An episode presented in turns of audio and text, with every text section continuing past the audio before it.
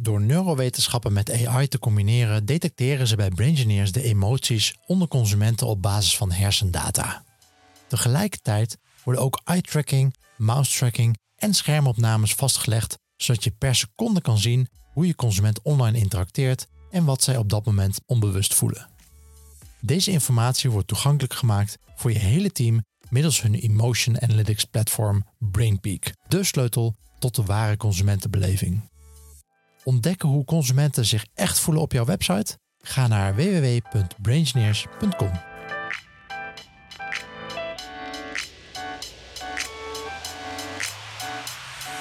Welkom en leuk dat je weer luistert naar het CRO Café. Vandaag praat ik met freelance CRO-specialist Maurice Beerthuizen over hoe je je als MKB'er met beperkte traffic, beperkte kennis en beperkte resources toch met CRO kan bezighouden. Ik ben Guido Jansen en welkom in het CRO Café, de podcast waarin ik een kijkje achter de schermen geef bij optimalisatieteams in Nederland en met hun specialisten praat over data en mensgedreven optimalisatie en het neerzetten van een cultuur van experimenteren en valideren. Mocht u hem gemist hebben, vorige aflevering sprak ik met Felice van Steenbergen en bespraken we het leven van een freelance CRO-specialist en namen we enkele interessante cases door. Die aflevering kun je terugluisteren via cro.café 31. Deze aflevering van CRO wordt mede mogelijk gemaakt door onze partners Effective Experiments, Online Dialogue, Braingineers en Convert.com. Welkom bij aflevering 32. Ja, Maurice, welkom. Uh, om mee te beginnen, wat doe je allemaal met CRO? ik ben uh, eigenlijk wel vooral bezig met het helpen van, van MKB-bedrijven. Nou, een aantal voorbeelden, dat is molenaar.nl, dat is badkamerondersteuning voor, voor ouderen. dus Molenaar zorgt voor een volledig nieuwe badkamer waar je niet meer uitgeleid of nou, waar je gewoon op een normale manier het bad in kunt stappen. Zonnelux, die hebben de, zonnepanelen en allerlei raambekleding die ze verkopen. Ehm, eh, even kijken, andere klant is Bolderman, eh, reizen, reisorganisatie, eh, Tapijtcentrum Nederland, verkopen tapijten. Nou, er zijn dan allerlei, allerlei klanten die ik, die, die, ik op, die ik help. Dat doe ik via een COCR-bureau overigens, Find Factory. Um, en die de noodzaak hebben ingezien van ja, leuk dat we allerlei traffic, social en content acties richting die klanten sturen. Maar op het moment dat uh, klanten landen op de homepage of op een landingspagina en uh, er converteert niks, ja, dan gaan ook die klanten op een gegeven moment vragen stellen van hey, wat, wat is er aan de hand? Dus uh, wat dat betreft een hele complementaire samenwerking. het COC-bureau brengt de traffic naar binnen. En ik moet gewoon zorgen dat de conversies daar, daar komen of, of verbeterd worden. Wel online als offline bezig zijn. Ja, ja, het zijn vaak bedrijven die ehm, die ja, flink uh, toch wel gewoon, want dat is altijd wel leuk, hè? MKB, dan wordt er, uh, door sommige mensen nog wel eens gedacht, hè, is de bakker op de hoek. Ja, dat is ook MKB, maar dit zijn, oh, dit zijn ook gewoon MKB-bedrijven. Um, wel, weliswaar vaak grote MKB, en die hebben ook vaak echt wel gewoon hele grote en goede omzetten. En een hele grote adspend ook richting kranten en richting media. Hè, Molenaar, die is, is ook regelmatig op RTL 4 te zien bijvoorbeeld. Eh, maar die gaan nu langzaam ook ontdekken dat eh, de meerwaarde van online, hè, als jij eh, op, op RTL in, dus in de rust van een voetbalwedstrijd Molenaar ziet langskomen. En vervolgens denk je van, hé, hey, daar moet ik iets mee. ja, dan ga je toch vaak online even kijken wat, er dan, wat dat dan is en hoe dat dan werkt. Dus je, zij zien ook steeds meer de waarde in van een goede online presence en op een goede manier de klanten die komen ja, verleiden tot, tot een lead of tot een directe koop. En waar veel mensen dus, uh, dus mee zitten, die uh, in het MKB denk ik, uh, die wel heel graag, of nou ja, we zien natuurlijk, zien natuurlijk ook allemaal het voorbeelden van Bol.com en Coolblue ja. en Booking. En die horen hoe die bezig zijn met conversieoptimalisatie. En die bedrijven, nou, wat je net al aangeeft, die zien ook die issues van, ja, ik, ik kan wel meer traffic naar mijn website sturen, dat is leuk. maar sowieso, die advertenties worden allemaal steeds duurder, vooral Google AdWords. Uh, afhankelijk van je niche natuurlijk, maar dat, die, daar zit meestal wel een stijgende lijn in. Uh, ja, dat houdt ook een keertje op. Uh, dus moet ik wel met mijn website aan de slag. Nou, dat vind ik op zich een hele fijne trend dat mensen een groter deel van de funnel gaan, uh, gaan bekijken. Maar bij heel veel MKB's leeft nog wel het idee van, nou oké, okay, maar ik heb niet genoeg traffic of ik heb niet de kennis in huis om dat, om dat op te zetten. Ja. Hoe ga jij ermee om? Um, is dat zo?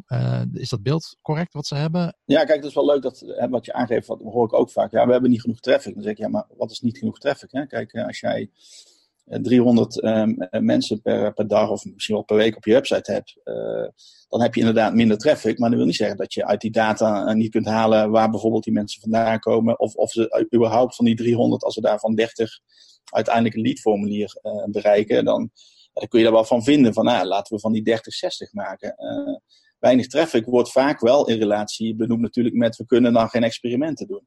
En uh, ja, bij uh, al die MKB-bedrijven die ik help, doe ik ook geen experimenten. Omdat het simpelweg om twee redenen niet gaat. Ene reden is dat je inderdaad het issue met traffic, ook al kun je, vind ik, met ook minder traffic best AB-testen. dat is alleen afhankelijk van de hoogte van je conversiepercentage.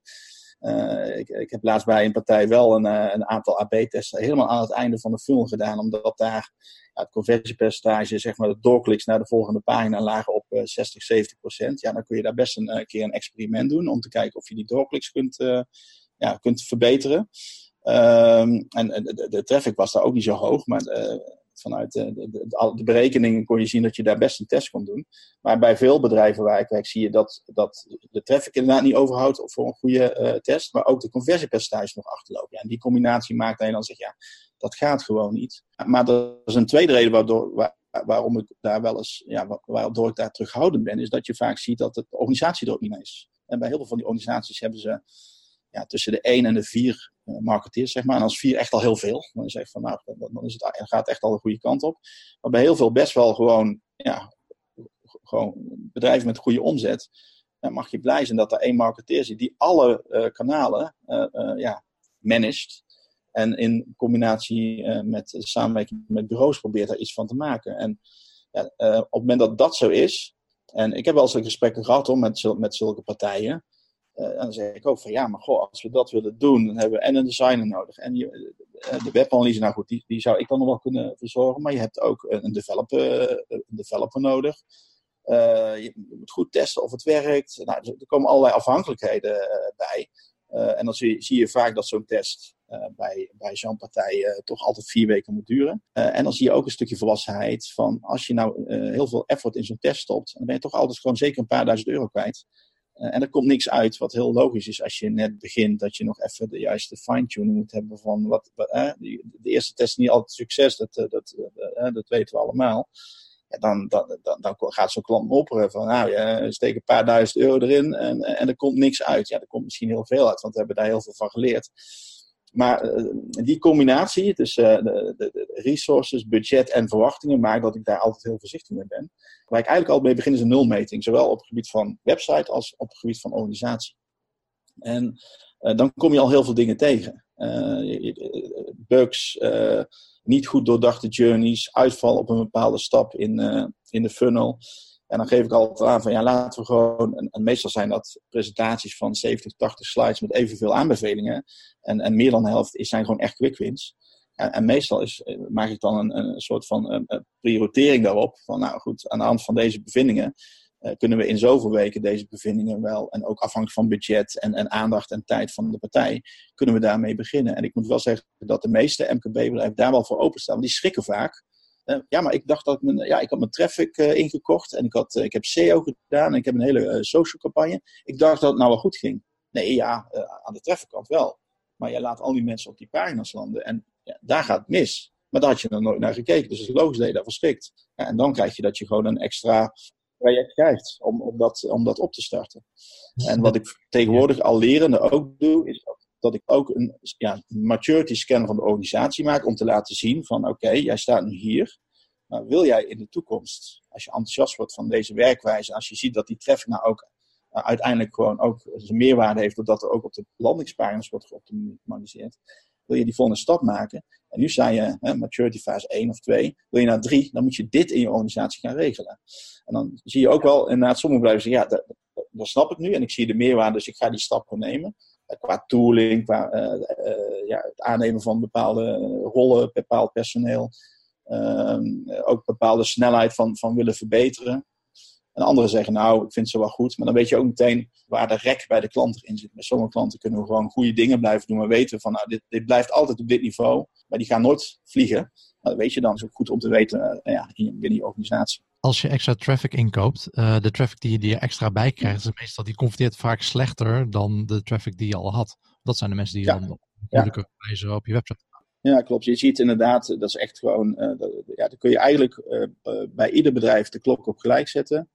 Uh, de meeste waarde wordt qua conversiepercentage uit SEO gehaald, hè, het, het, organisch verkeer. Of e-mail marketing. Ja, e-mail marketing, eens. Al is, is dat vaak bij de, de MKB-bedrijven niet helemaal goed, goed ingericht. Dus dan zie je heel veel direct verkeer en dan ga je meteen twijfelen van, hé, hey, wat is hier aan de hand? En dan ga je een beetje zoeken en dan zie je dat men e-mails niet goed getagd heeft. Dat is ook een veel voorkomend probleem. Maar je ziet vaak inderdaad SEO zorgt voor heel veel volume, maar het conversiepercentage is daar vaak laag. Alleen op aantallen is SEO vaak wel het grote kanaal. Het percentage is gewoon laag, omdat daar niet altijd, ja, dat, dat, dat, ja, dat zie je overal. Um, en dat is ook vaak, uh, dat heb ik ook geleerd, zeg maar, uh, waar je bij grote bedrijven nog wel eens heel hard op het percentage stuurt. Hey, we hebben nu een conversie van 2,5 en die moet naar 4. Eh, stuur ik ook bij, eh, stuur bij het MKB toch ook wel vaak op aantallen. Je ziet vaak dat, ehm, dat men inderdaad dan in, in eerste instantie in de fase dat men meer traffic aan het binnenhalen is. Wat voor het percentage vaak uh, ja, gewoon een negatief effect heeft. Maar men wil, men kijkt binnen die MKB helemaal niet naar die percentage, maar kijkt naar de aantallen. hey, we hebben deze maand 300 uh, leads meer. Dat is mooi. En dat dan dat percentage naar beneden is geknald, omdat ja, de CA-verkeer dat vertekent. En dat vinden ze helemaal niet zo spannend. En um, ja, dat is ook dat, ja, dat is een net iets andere manier uh, van kijken. En wat, we bij die klanten dan wel bewust doen, samen met de CA Consultant, kijken bijvoorbeeld naar de, en naar de inspanning die we dan doen op, op CA en wat het dan allemaal kost. Want als je dat dan weer erbij gaat pakken, dan zie je van ja, leuk die 300 leads. Uh, maar de kosten zijn dusdanig omhoog gegaan, ook mede door concurrentie, noem maar op. En hier moeten we toch ook weer ergens de rem op zetten en kijken hoe we die, ja, dat percentage omhoog kunnen gaan. Maar dat is ook weer vaak een volgende fase bij klanten. Uh, ze zijn in eerste instantie kijken ze gewoon naar van oké, jullie hebben inspanningen gedaan, die website is verbeterd, jullie hebben traffic naar binnen gehaald, mooi. Uh, maar uh, ik ben blij dat het van 100 naar 300 is gegaan. En of dan inderdaad die conversie van 4 naar 2% is gedaald, zeg maar, qua percentage, vinden ze eigenlijk helemaal niet zo spannend. En, dat, en dat, ja, dan moet je ook leren om daarmee om te gaan. Ook een manier van ja, stakeholder management, zeg maar. En uh, nee, ik denk dat een belangrijke uh, vraag die mensen inderdaad hebben van of, dat, dat beeld dat leeft van oké, hoeveel traffic heb ik dan nodig om te AB testen? Uh, los van die maturity van de organisatie zelf gaan we het zo even over hebben. Ik denk dat het misschien handig is. Ik, zal in de show notes in ieder geval even een linkje vermelden naar een, naar een site waar je, waar je sample size kan berekenen. Ja op basis van verschillende waarden. En, en het is altijd heel lastig. Ja, mensen vragen van ja, hoeveel, hoeveel uh, traffic of hoeveel conversies heb ik nodig? Ja, het lastige is, er zijn verschillende, um, verschillende input die je nodig hebt uh, om daar antwoord op te geven. Dus niet, je kan niet zeggen van ja, we hebben ja, duizend conversies, dat is, is vaak geworden, denk ik. Uh, maar het hangt heel erg af van, van die conversieratio die je, die je hebt. de huidige conver, conversieratio die, je die je op je website hebt. De, de traffic die je hebt. minimum detectable effect waar je ja. waar je uh, interesse in hebt überhaupt. Vind je het prima ja. als test 5% uh, effect heeft of, uh, moet een, of ga je dingen ontwerpen waarvan je verwacht dat ze 20% effect hebben. Dat is, een enorm, dat, dat, is allemaal heel technisch. Dus er zijn handige tooltjes voor die dat voor je berekenen. Dus zullen we in de show notes even, even naar linken.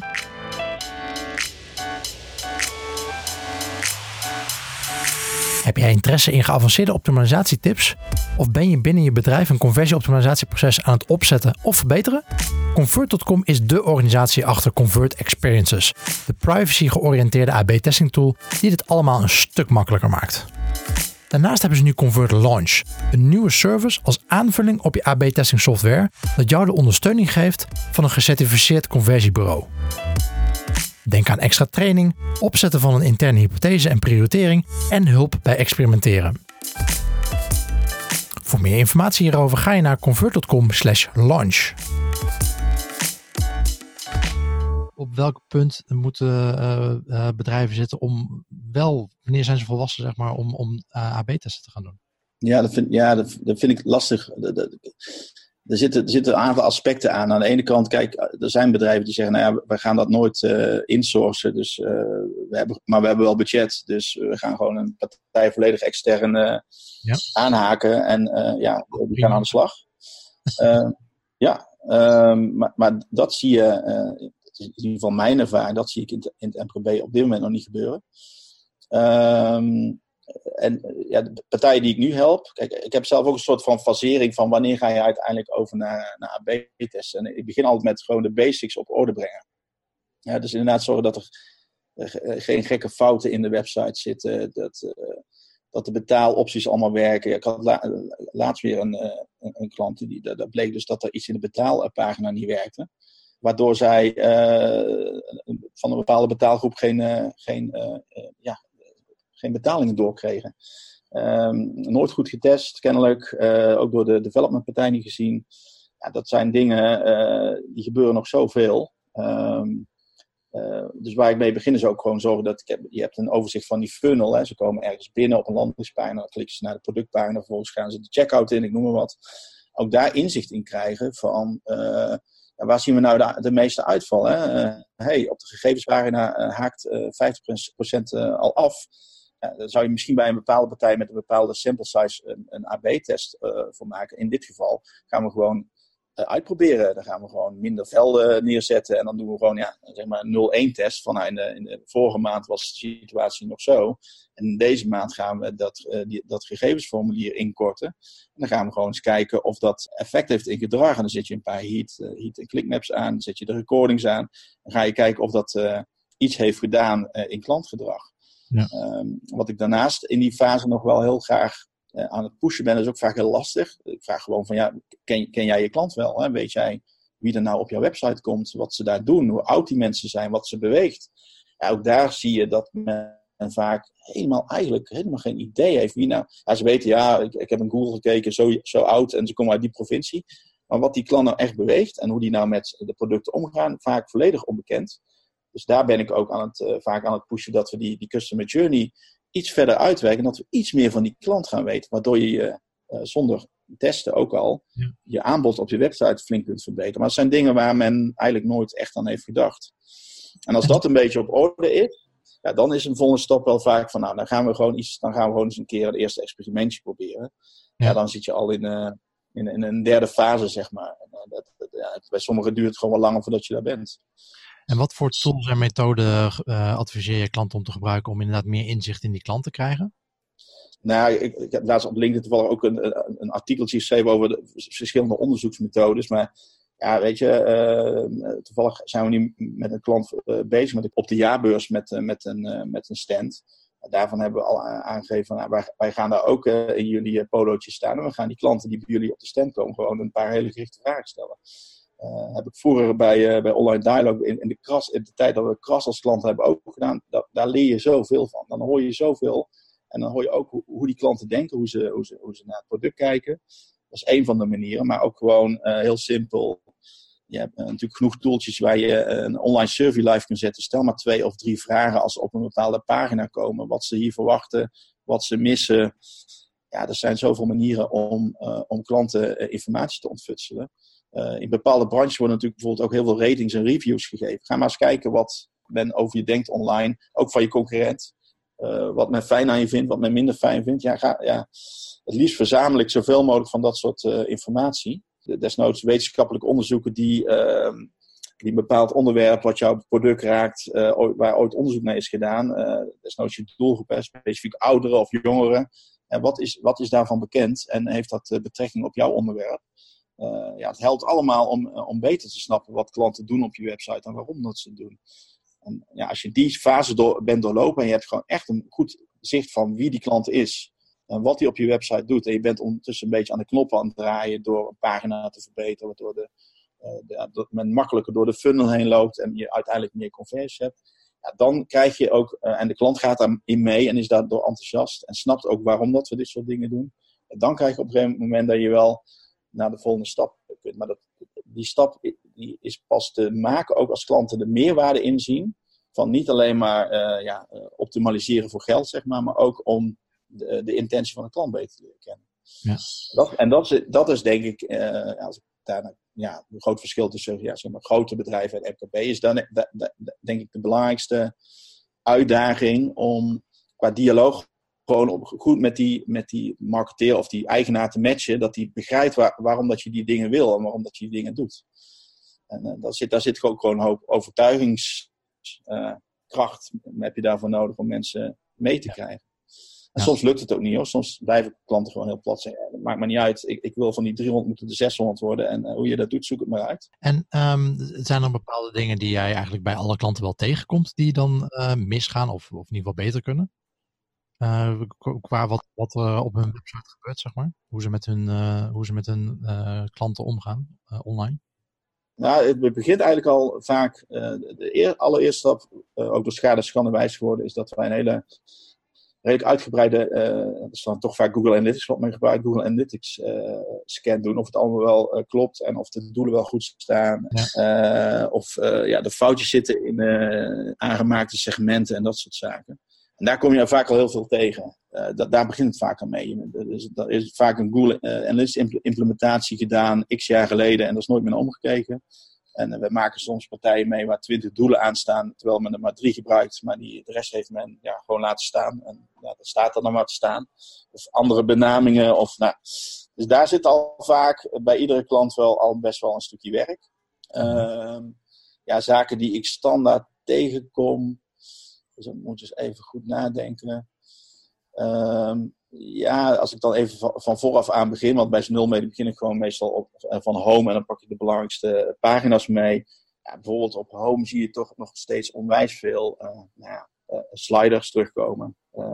waarvan je inmiddels wel kunt vertellen van ja, maar daar gaan mensen, zeker de bewegende slider, gaan mensen niet op klikken. Nou, dan kun je dan uiteindelijk ook vaak doe ik zo'n nulmeting x aantal weken van tevoren. Dus dan heb ik wel wat, uh, wat, uh, wat eh, heat- en clickmaps kunnen verzamelen. En dan kun je ook laten zien aan de heatmaps van ja, maar daar komen mensen niet. Je ziet dat standaard heel veel mensen via de navigatie naar de volgende stappen gaan als ze op home landen. Dat is bijna overal. Ehm, dan heb ik ook wel eens klanten die bijvoorbeeld het menu als een soort hamburgermenu hebben gemaakt. Die denken van ja, dat werkt op mobiel, dus dan doen we het op desktop uh, ook maar. Nou ja, dan, dan zie je daar dat, dat, uh, dat je daar heel wat kliks gaat uh, missen. En dan adviseer ik wel van ja, op desktop heb je de ruimte om je navigatie te tonen. Doe het daar. op mobiel heb je de ruimte inderdaad niet. Gebruik daarvoor het standaard hamburgermenu, hartstikke goed. Maar ga het niet ook op desktop neerzetten. want dat, ja, dat, dat, dat, dat soort dingen kom ik eigenlijk wel overal tegen. het begint al vaak met navigatie en de manier waarop men die invult. Ook heel vaak aan de hand van data. Je ziet dat product A meeste wordt aangeklikt en die staat dan helemaal rechts, bijna onder in de hoek. Maar waarom zet je hem dan ook niet op je homepage uh, prominent in beeld? Dus je ziet al vaak vanaf de eerste pagina dat men. Ja, vaak heeft men, kijkt men ook veel te weinig in data, of heel oppervlakkig, waardoor je dat soort details al uh, heel snel, uh, heel snel eruit haalt. En ja, wat heel vaak misgaat op productpagina's of filterpagina's, is dat nou, op filterpagina's verkeerde filters bovenaan dus uh, ze zoeken op filter A en B en uh, C en D staan bovenaan. Ik zie gewoon en in de heatmaps en in, in de data dat ze die filters A en B het meest gebruiken, maar jullie zetten die filters daar niet neer. Uh, wat je veel ziet op filterpagina's is dan hebben ze zo'n soort van productslider bovenaan. Daar kun je dan snel doorheen bewegen. Dat zie je vooral in de retail veel, schoenen en, en, en kleding. dan zie je dat die pijltjes, als je pijltjes aan de buitenkant zet van die sliders, die worden mega veel aangeklikt. En pijltjes trekken gewoon aandacht. Maar in de, in de slider zelf wordt nooit geklikt. Ze zijn gewoon aan het, heel snel aan het kijken. Wat komt er allemaal langs? Maar daarin wordt nooit geklikt. En dit zijn echt, dit heb ik echt. Het is niet NS1, dit heb ik al echt uh, ja, uh, 5, 6, 7, 8, 9, 10 keer meegemaakt bij uh, de verschillende klanten afgelopen jaar. Dat is echt. Dat, ik zie zo'n slider, weet ik al, oké, okay, ik zet die heatmap wel even aan om te laten zien en dan zie je het weer terug. Ja, ja, dat, dat, ja dat, dat, en, dan, en dan, dan merk je ook, als je dan inderdaad gaat vragen van, goh, maar hebben jullie daar ooit naar gekeken? Dat, op dat niveau kijken ze gewoon niet. Nee. Dus de details op de pagina worden gewoon nooit... Uh, en dan zeggen ze maar vaak geschreven, ja, uh, huren we jouw auto, uh, ja, nou, uh, jou toch voor in? Ja, dat klopt. Maar ik ook van, ja, je had, je had daar zelf al heel veel kunnen doen. Als je zelf een klein beetje dieper in de data was, was gedoken. Ja, en zeker die, die uh, banner sliders. Dat is meestal wordt dat gedaan niet zozeer voor de klant, maar meestal om, uh, om alle interne afdelingen ja. Reden te stellen. Ja. Want iedereen wil natuurlijk op de homepage direct zichtbaar zijn. Ja, ja, dan, ja, dan is een slider daar een makkelijke oplossing voor, maar meestal niet eentje waar de klant ja. blijven. Maar intern... Nou, wat, je, wat je het MKB nog veel ziet, is dat ze dan, als vraag ik wel zo, wie heeft het bedacht? Het komt vaak van het webbureau, hè? En die hebben een soort van standaard opbouw van hun WordPress-pagina's. En uh, nou, die, die gooien er een ander kleurtje op en die verkopen het. En als de klant dan vraagt, zegt ja, maar heeft, uh, jouw concurrent heeft daar ook. Ja, ja. En dan redeneren ze naar de concurrent van ja, maar die heeft het ook, dus dan, dan, dan moet het maar zo. Ja. en dat is ook wel eens lastig. Want soms zie je ook in de heatmaps en in data bepaalde issues opspelen. Was laatst ook bij een, een klant, een schoenenwinkel toen adviseerde ik iets en toen werd er gezegd: ja, maar mijn concurrenten A en B die hebben, die hebben, dat, die hebben dat wel op deze manier, dus ik hou het zo. Dus, maar ik kon keihard aantonen dat het voor hun niet rendabel was om dat zo te doen. Maar toch wilden ze er niet vanaf, want de concurrent deed het ook. En dat zijn wel van die voorbeelden. Hè, dat, ja, dat, eh, dat hoef ik jou niet uit te leggen, of een heleboel luisteraars denken ook niet van, nou ja, niet, ja, concurrent, eh, gebruik het als inspiratie, maar neem het nooit één op één over. Hè. Ja, dat, dat, is wel, dat zijn wel dingen die je moet doorbreken ook vaak vanwege toch nog wat gebrek aan kennis in het MKB. Dat wordt heel vaak gezegd, ja, maar mijn concurrent doet het ook, dus ik wil het zelf als mijn concurrent. Want ik denk wel dat dat werkt. Uh, ja. ja, ik niet. ja. Hey, en, uh, maar ik vind het wel een mooi voorbeeld. En je zei net ook al van, nou ja, het kost soms echt wel wat overtuigingskracht om dan het management, of in ieder geval de budgethouder ervan overtuigen om te investeren in, in CRO. Um, hoe, hoe, pak jij dat aan? Hoe, hoe help jij? Je werkt vaak met een digital marketing team. Um, hoe adviseer je hun om, om, om dat toch die potjes bij management te breken om hierin te investeren? Wat zijn, wat zijn dingen die jij ziet die, die wel werken of die niet werken? Nou, wat we, kijk, eh, omdat ik het zo, zo vaak aanvlieg vanuit het uh, digital marketingbureau en vaak met de eigenaar samen dan ook vaak de salesgesprekken doe, vertellen wij gewoon vaak het gehele verhaal. Dat, dat, ik, dat is wel voor mij ook wel een soort van eye-opener geweest. Hè. Van, van huis uit natuurlijk, eh, vanuit mijn verleden bij OD vertellen wij het CRO-verhaal. En nu vertel ik vaak het volledige verhaal. En laten we gewoon zien dat uh, als je uh, traffic inkoopt, dat je in feite verplicht bent als je rendement wil uit je, uit je, uit je campagne, dat je dan ook iets moet doen aan minimaal je landingspagina of nou, sowieso je hele uh, website als daar inderdaad een checkout in zit waar je vanuit campagnes mensen laat landen.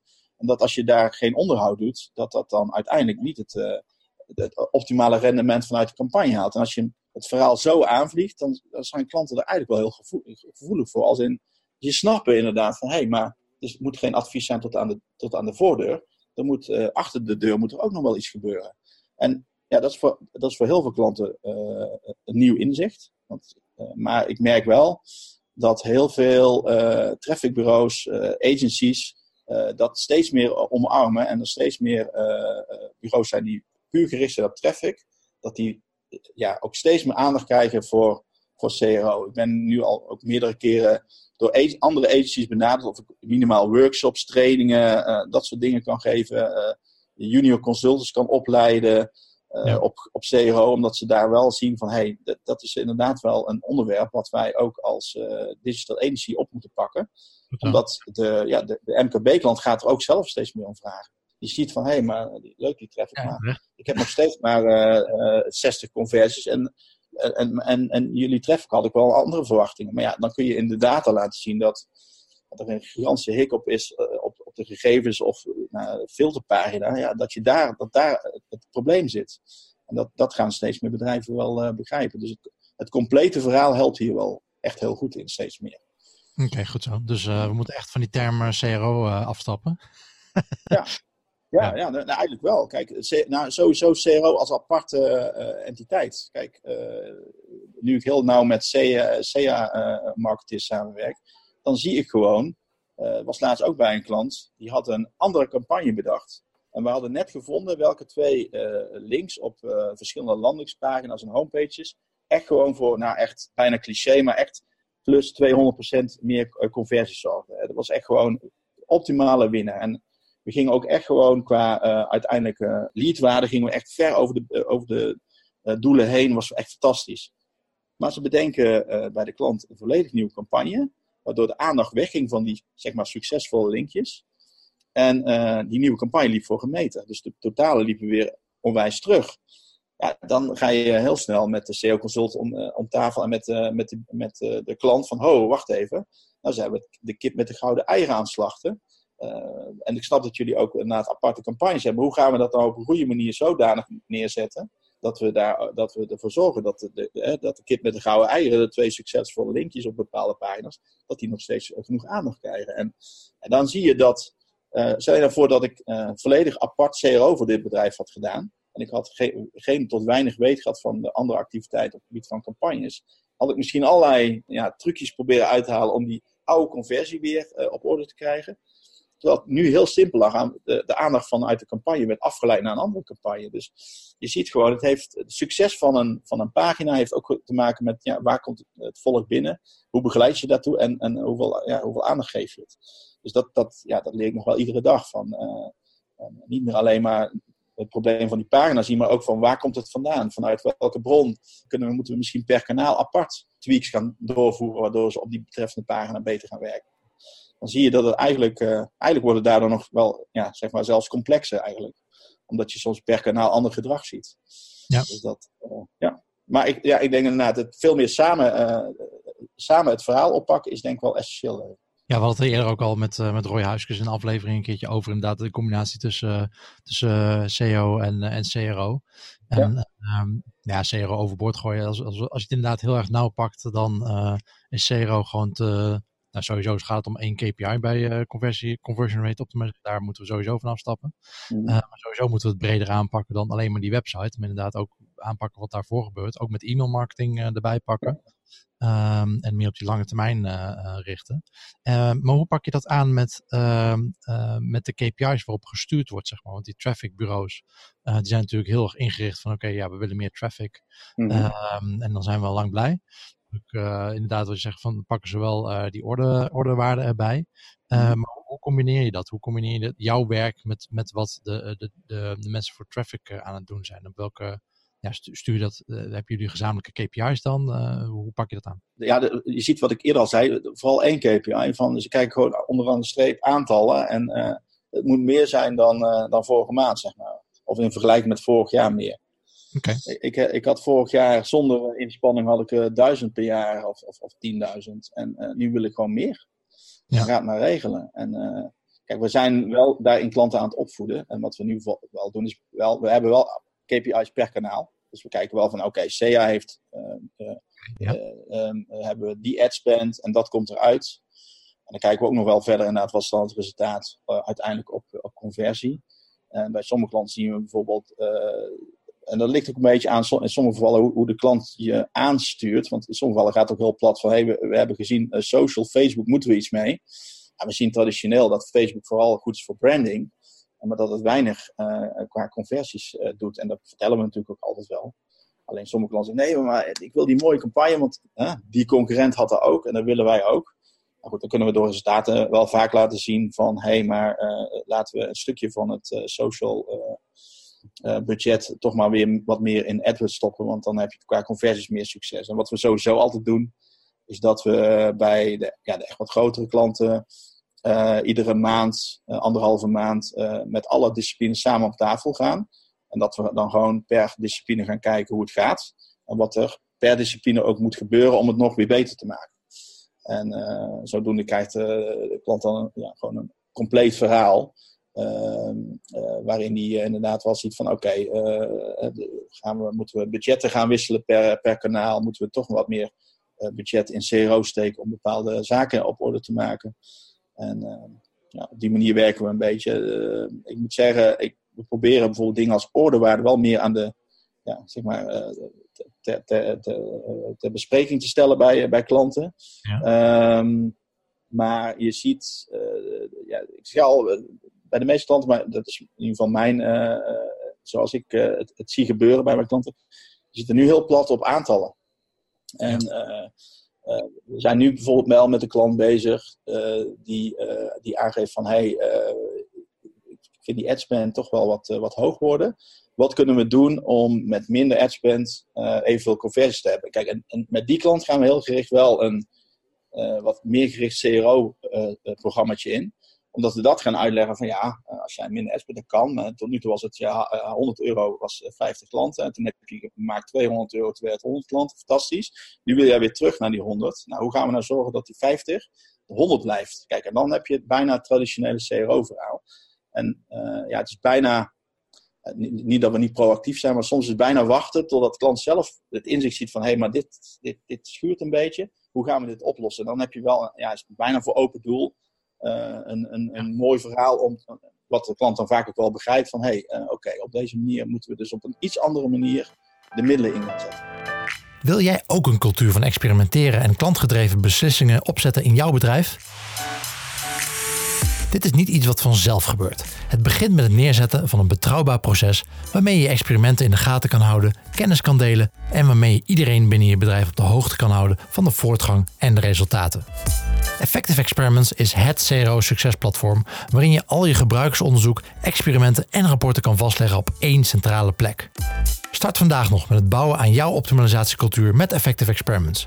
Een demo aanvragen doe je via www.effectiveexperiments.com. En wat je aan het begin ook al zei, van, uh, bij veel MKB'ers dat je aan de datakant uh, gaat beginnen. Dat hoor ik ook wel ja. vaker terug. En dat daar is het ook vaak een probleem dat je, um, weet je zegt van ja, puur orderaantal uh, sturen. Omdat het vaak de, de, enige data is die ze, die ze hebben. ze ja. weten gewoon niet wat, wat, wat de marges zijn. Of tenminste, het digital marketing team weet dat niet. En nee. Dat is natuurlijk lastig op te sturen. En de enige data die je hebt is vaak, nou, als je gewoon standaard Google Analytics installeert en uh, nou, bijvoorbeeld enhanced e-commerce niet uh, goed configureert, ja, dan heb je alleen maar die ordeaantallen om op te sturen. Ja. dus ja, dat, als dat het enige is wat je hebt, dan ga je daarop sturen. Ja. wat ook wel eens verkeerd kan werken natuurlijk, want ja, je kan ook bedrijven hebben die dan gewoon, nou, dan ga je gewoon heel veel korting geven. Ja, dan gaan die ordeaantallen er allemaal.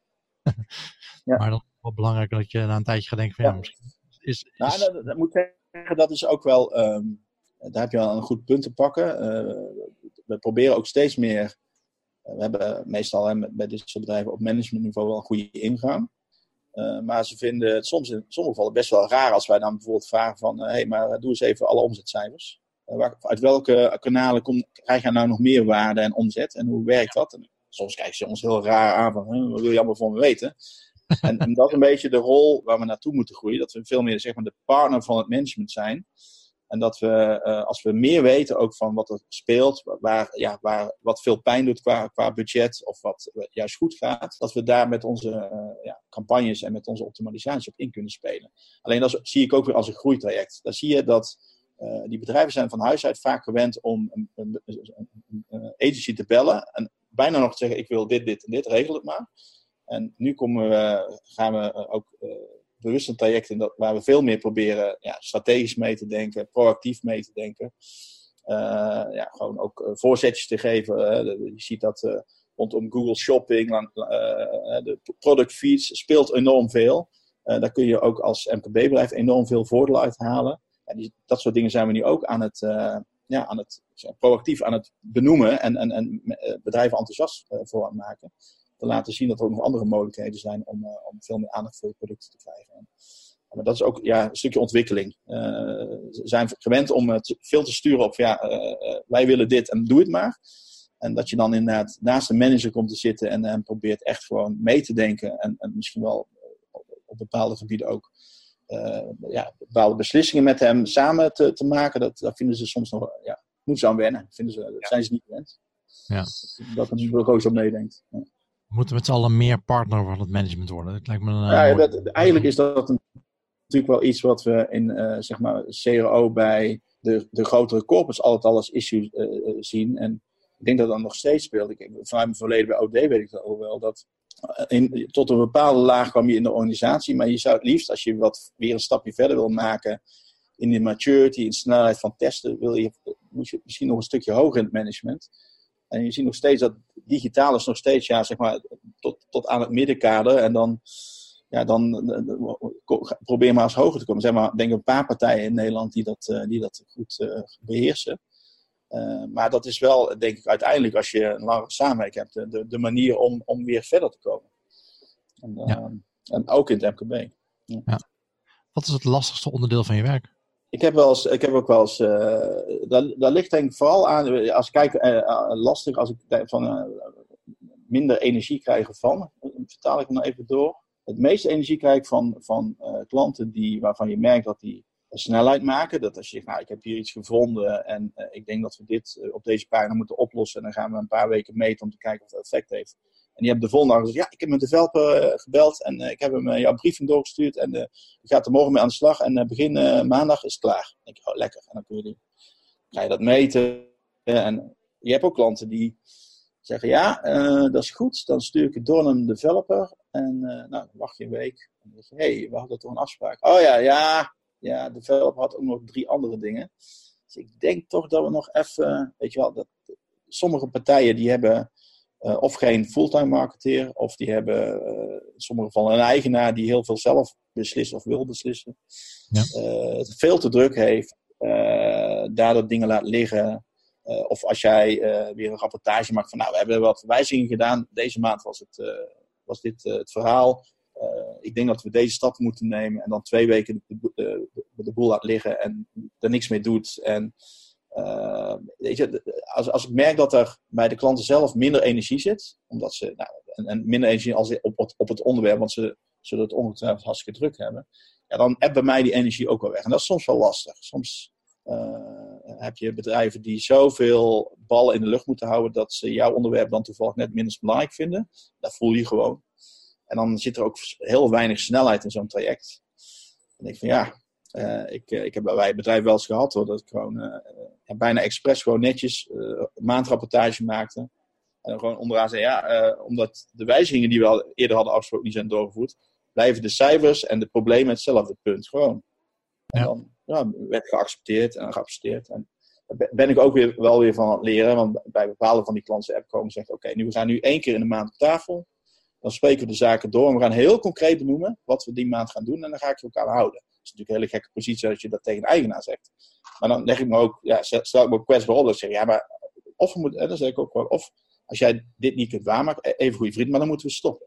En dan schrikken ze vaak, want ze zien toch wel ergens een bepaalde waarde aan de dingen die je vindt en die je doet. Dus, nee, oh, wacht even, stoppen, nee, nee, want ik vind het toch wel belangrijk dat je, dat je hiermee doorgaat. Nou, dan moeten we wel met elkaar afspraken maken. Ik heb verplichtingen en rechten, maar die heb jij even goed. Nou, dan, ja, dan heb je zo'n gesprek.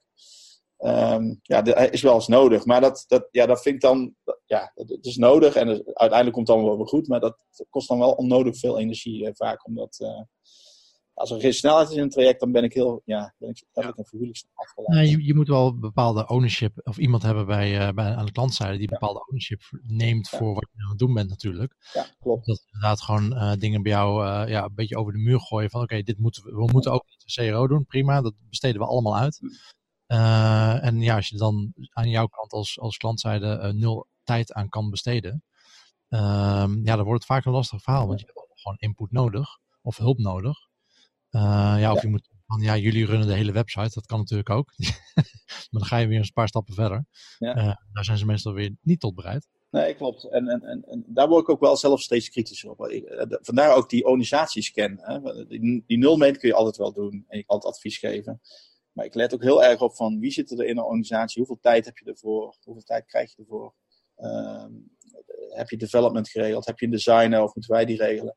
Dat zijn allemaal mogelijke valkuiltjes, uh, als ze dus die zaken niet goed op orde hebben. En dan kom je met een hele rits aan verbeteringen. Oh ja, maar we hebben geen developer en we hadden alleen maar budget om jou in te huren. Ja, ja oké, dan houdt het heel snel op. Dus ja. ik, dat zijn ook steeds meer klanten waar ik van zeg van, goh, ik wil jou best helpen, maar kijken er naar jouw situatie denk ik dat wij binnen drie maanden echt vastlopen. Dus of je, uh, je pakt het zo aan en je gaat deze rollen regelen. En misschien kan het ook extern. Ik, uh, ik ken de juiste mensen, die kan ik aanhaken. Maar dan moet je er wel budget voor hebben. En dan is, wordt dit het verhaal. Of ja, dit is het en hier moet je het mee doen. En het werkt vooral vaak beter om dat in het begin gewoon even op scherp te zetten. Want ik, ik merk gewoon uit ervaring inderdaad als die aandacht en de, de, de, de, tijd en budget er niet is, ja, dan, dan ja, vroeg of laat loopt toch vast. Dus dat kun je maar beter eerder gezegd hebben. Dus vandaar ook inderdaad die maturity scan, om dat kenbaar en zichtbaar te maken bij een klant. Dat hij ook uh, bepaalde stappen moet maken, wil die vooruit gaan. Ja, er zijn natuurlijk ook wel best wel wat verschillende uh, skillsets die je nodig hebt om uh, conversieoptimalisatie te doen. En dat veel klanten mm beseffen. Want we hebben nou, misschien iemand zoals, zoals jij en ik, uh, die dat CRO-programma pushen, die dat, uh, die dat uh, neer willen mm. kunnen zetten. maar je hebt ook iemand nodig die UX research kan doen. Je hebt iemand nodig die webanalist ja. is. Kan zien wat er nu, nu gebeurt op die website. Of, en, en diezelfde webanalist doet waarschijnlijk ook analyse van experimenten. je hebt iemand ja. die experimenten moet maken, of in ieder geval changes kan doorvoeren op de website. Ja. Um, En de UX design heb je wellicht nodig als je afhankelijk van wat voor change je wilt doorvoeren. Ja. Nou, er kan natuurlijk wel redelijk wat overlap zitten in, in sommige rollen. Uh, sommige rollen kunnen één persoon, maar meestal heb je er wel meerdere personen voor nodig. Ja, ja als, je dan, um, uh, als je dat niet intern hebt, ja, het moet ergens vandaan komen. Iemand moet het doen. Juist, ja. ja.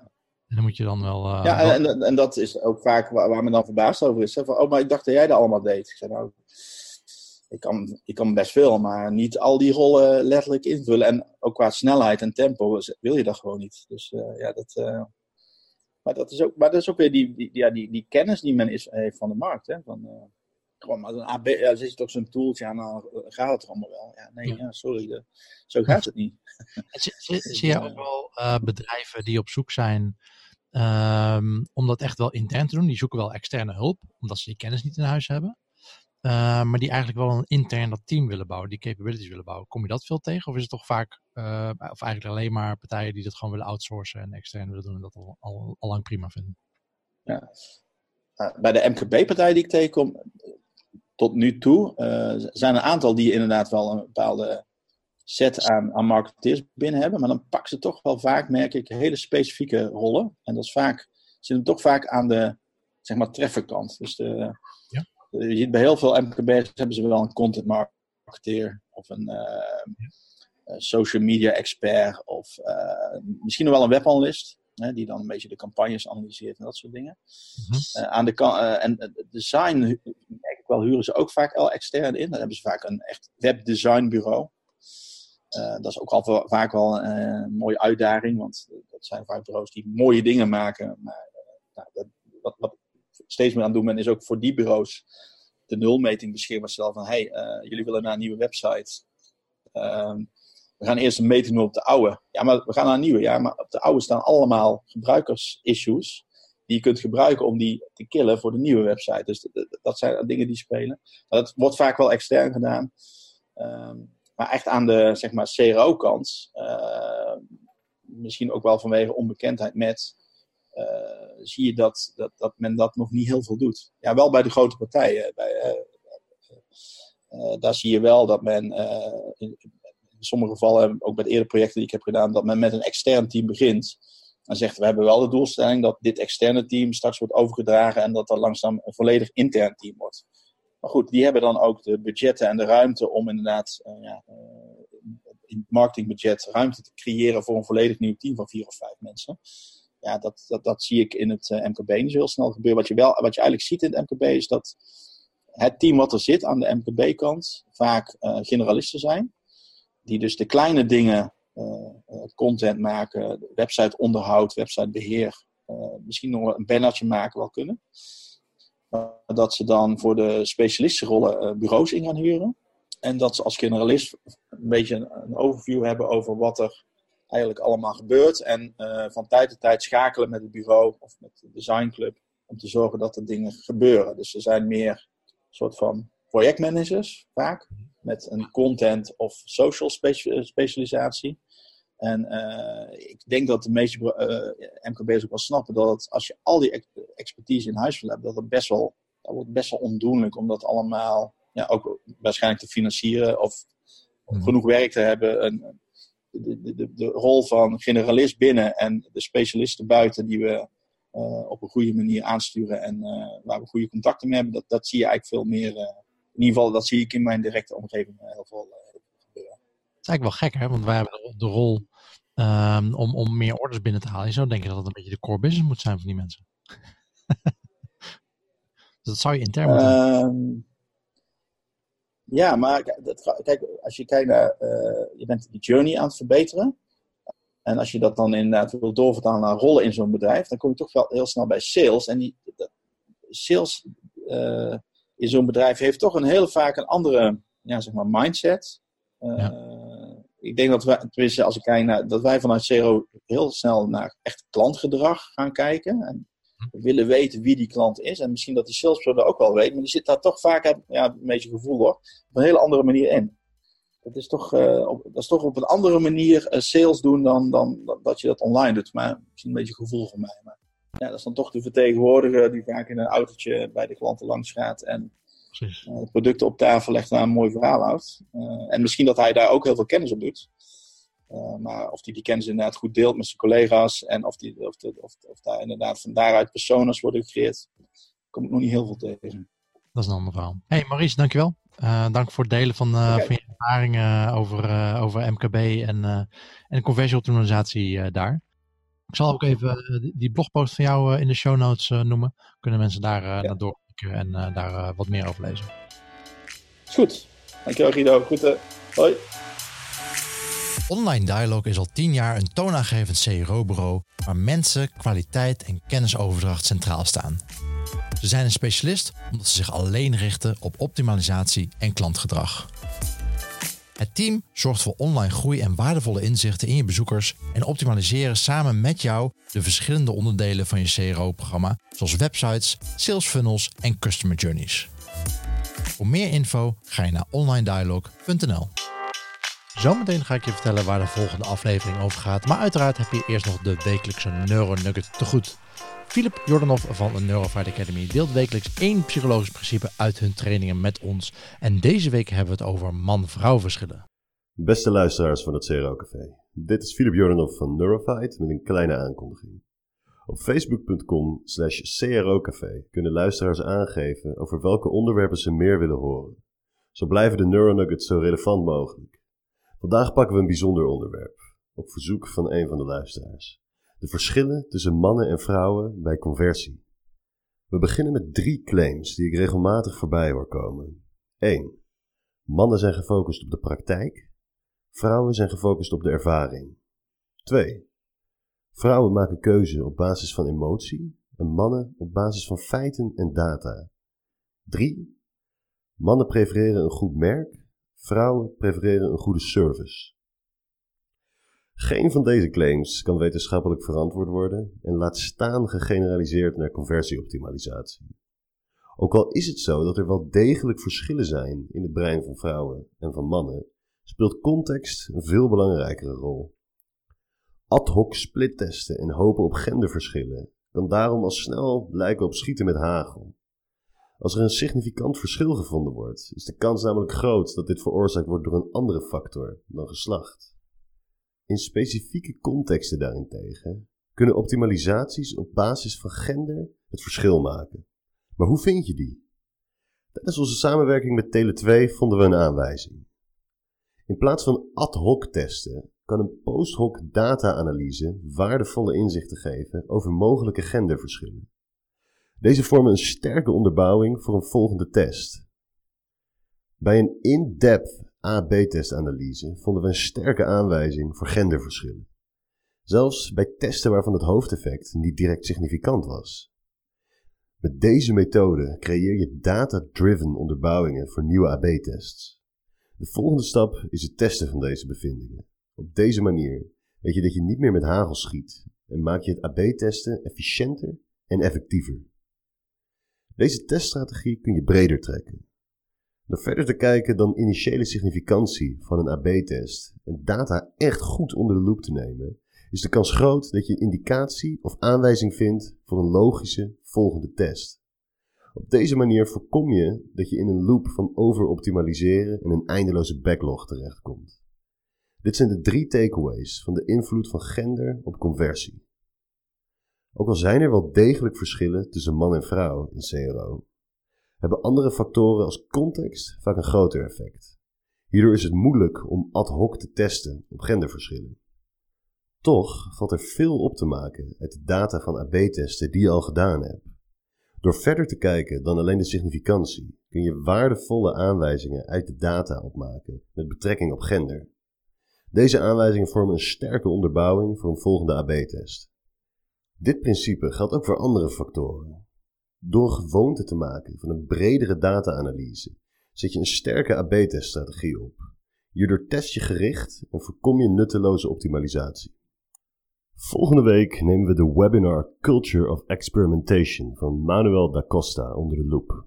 We kijken naar de beste insights, frameworks en takeaways. Tot dan. Dankjewel Philip voor je wekelijkse nudge. En dit was de 32e aflevering van het CRO Café met Maurice Beerthuizen. Het kan je niet zijn ontgaan dat we ook podcastpartners hebben. Uh, wil jij nou ook uh, product of dienst uh, promoten bij de leukste CRO-specialisten van Nederland? Neem dan een kijkje op cro.café slash partner voor de mogelijkheden. Volgende aflevering spreek ik met Tony Loorbach, bekend van onder andere zijn bedrijf IMU en de marketing events die zij organiseren. Hij is momenteel een boek aan het schrijven over webpsychologie en daar ga ik hem over aan het hand voelen. Tot dan en always be optimizing.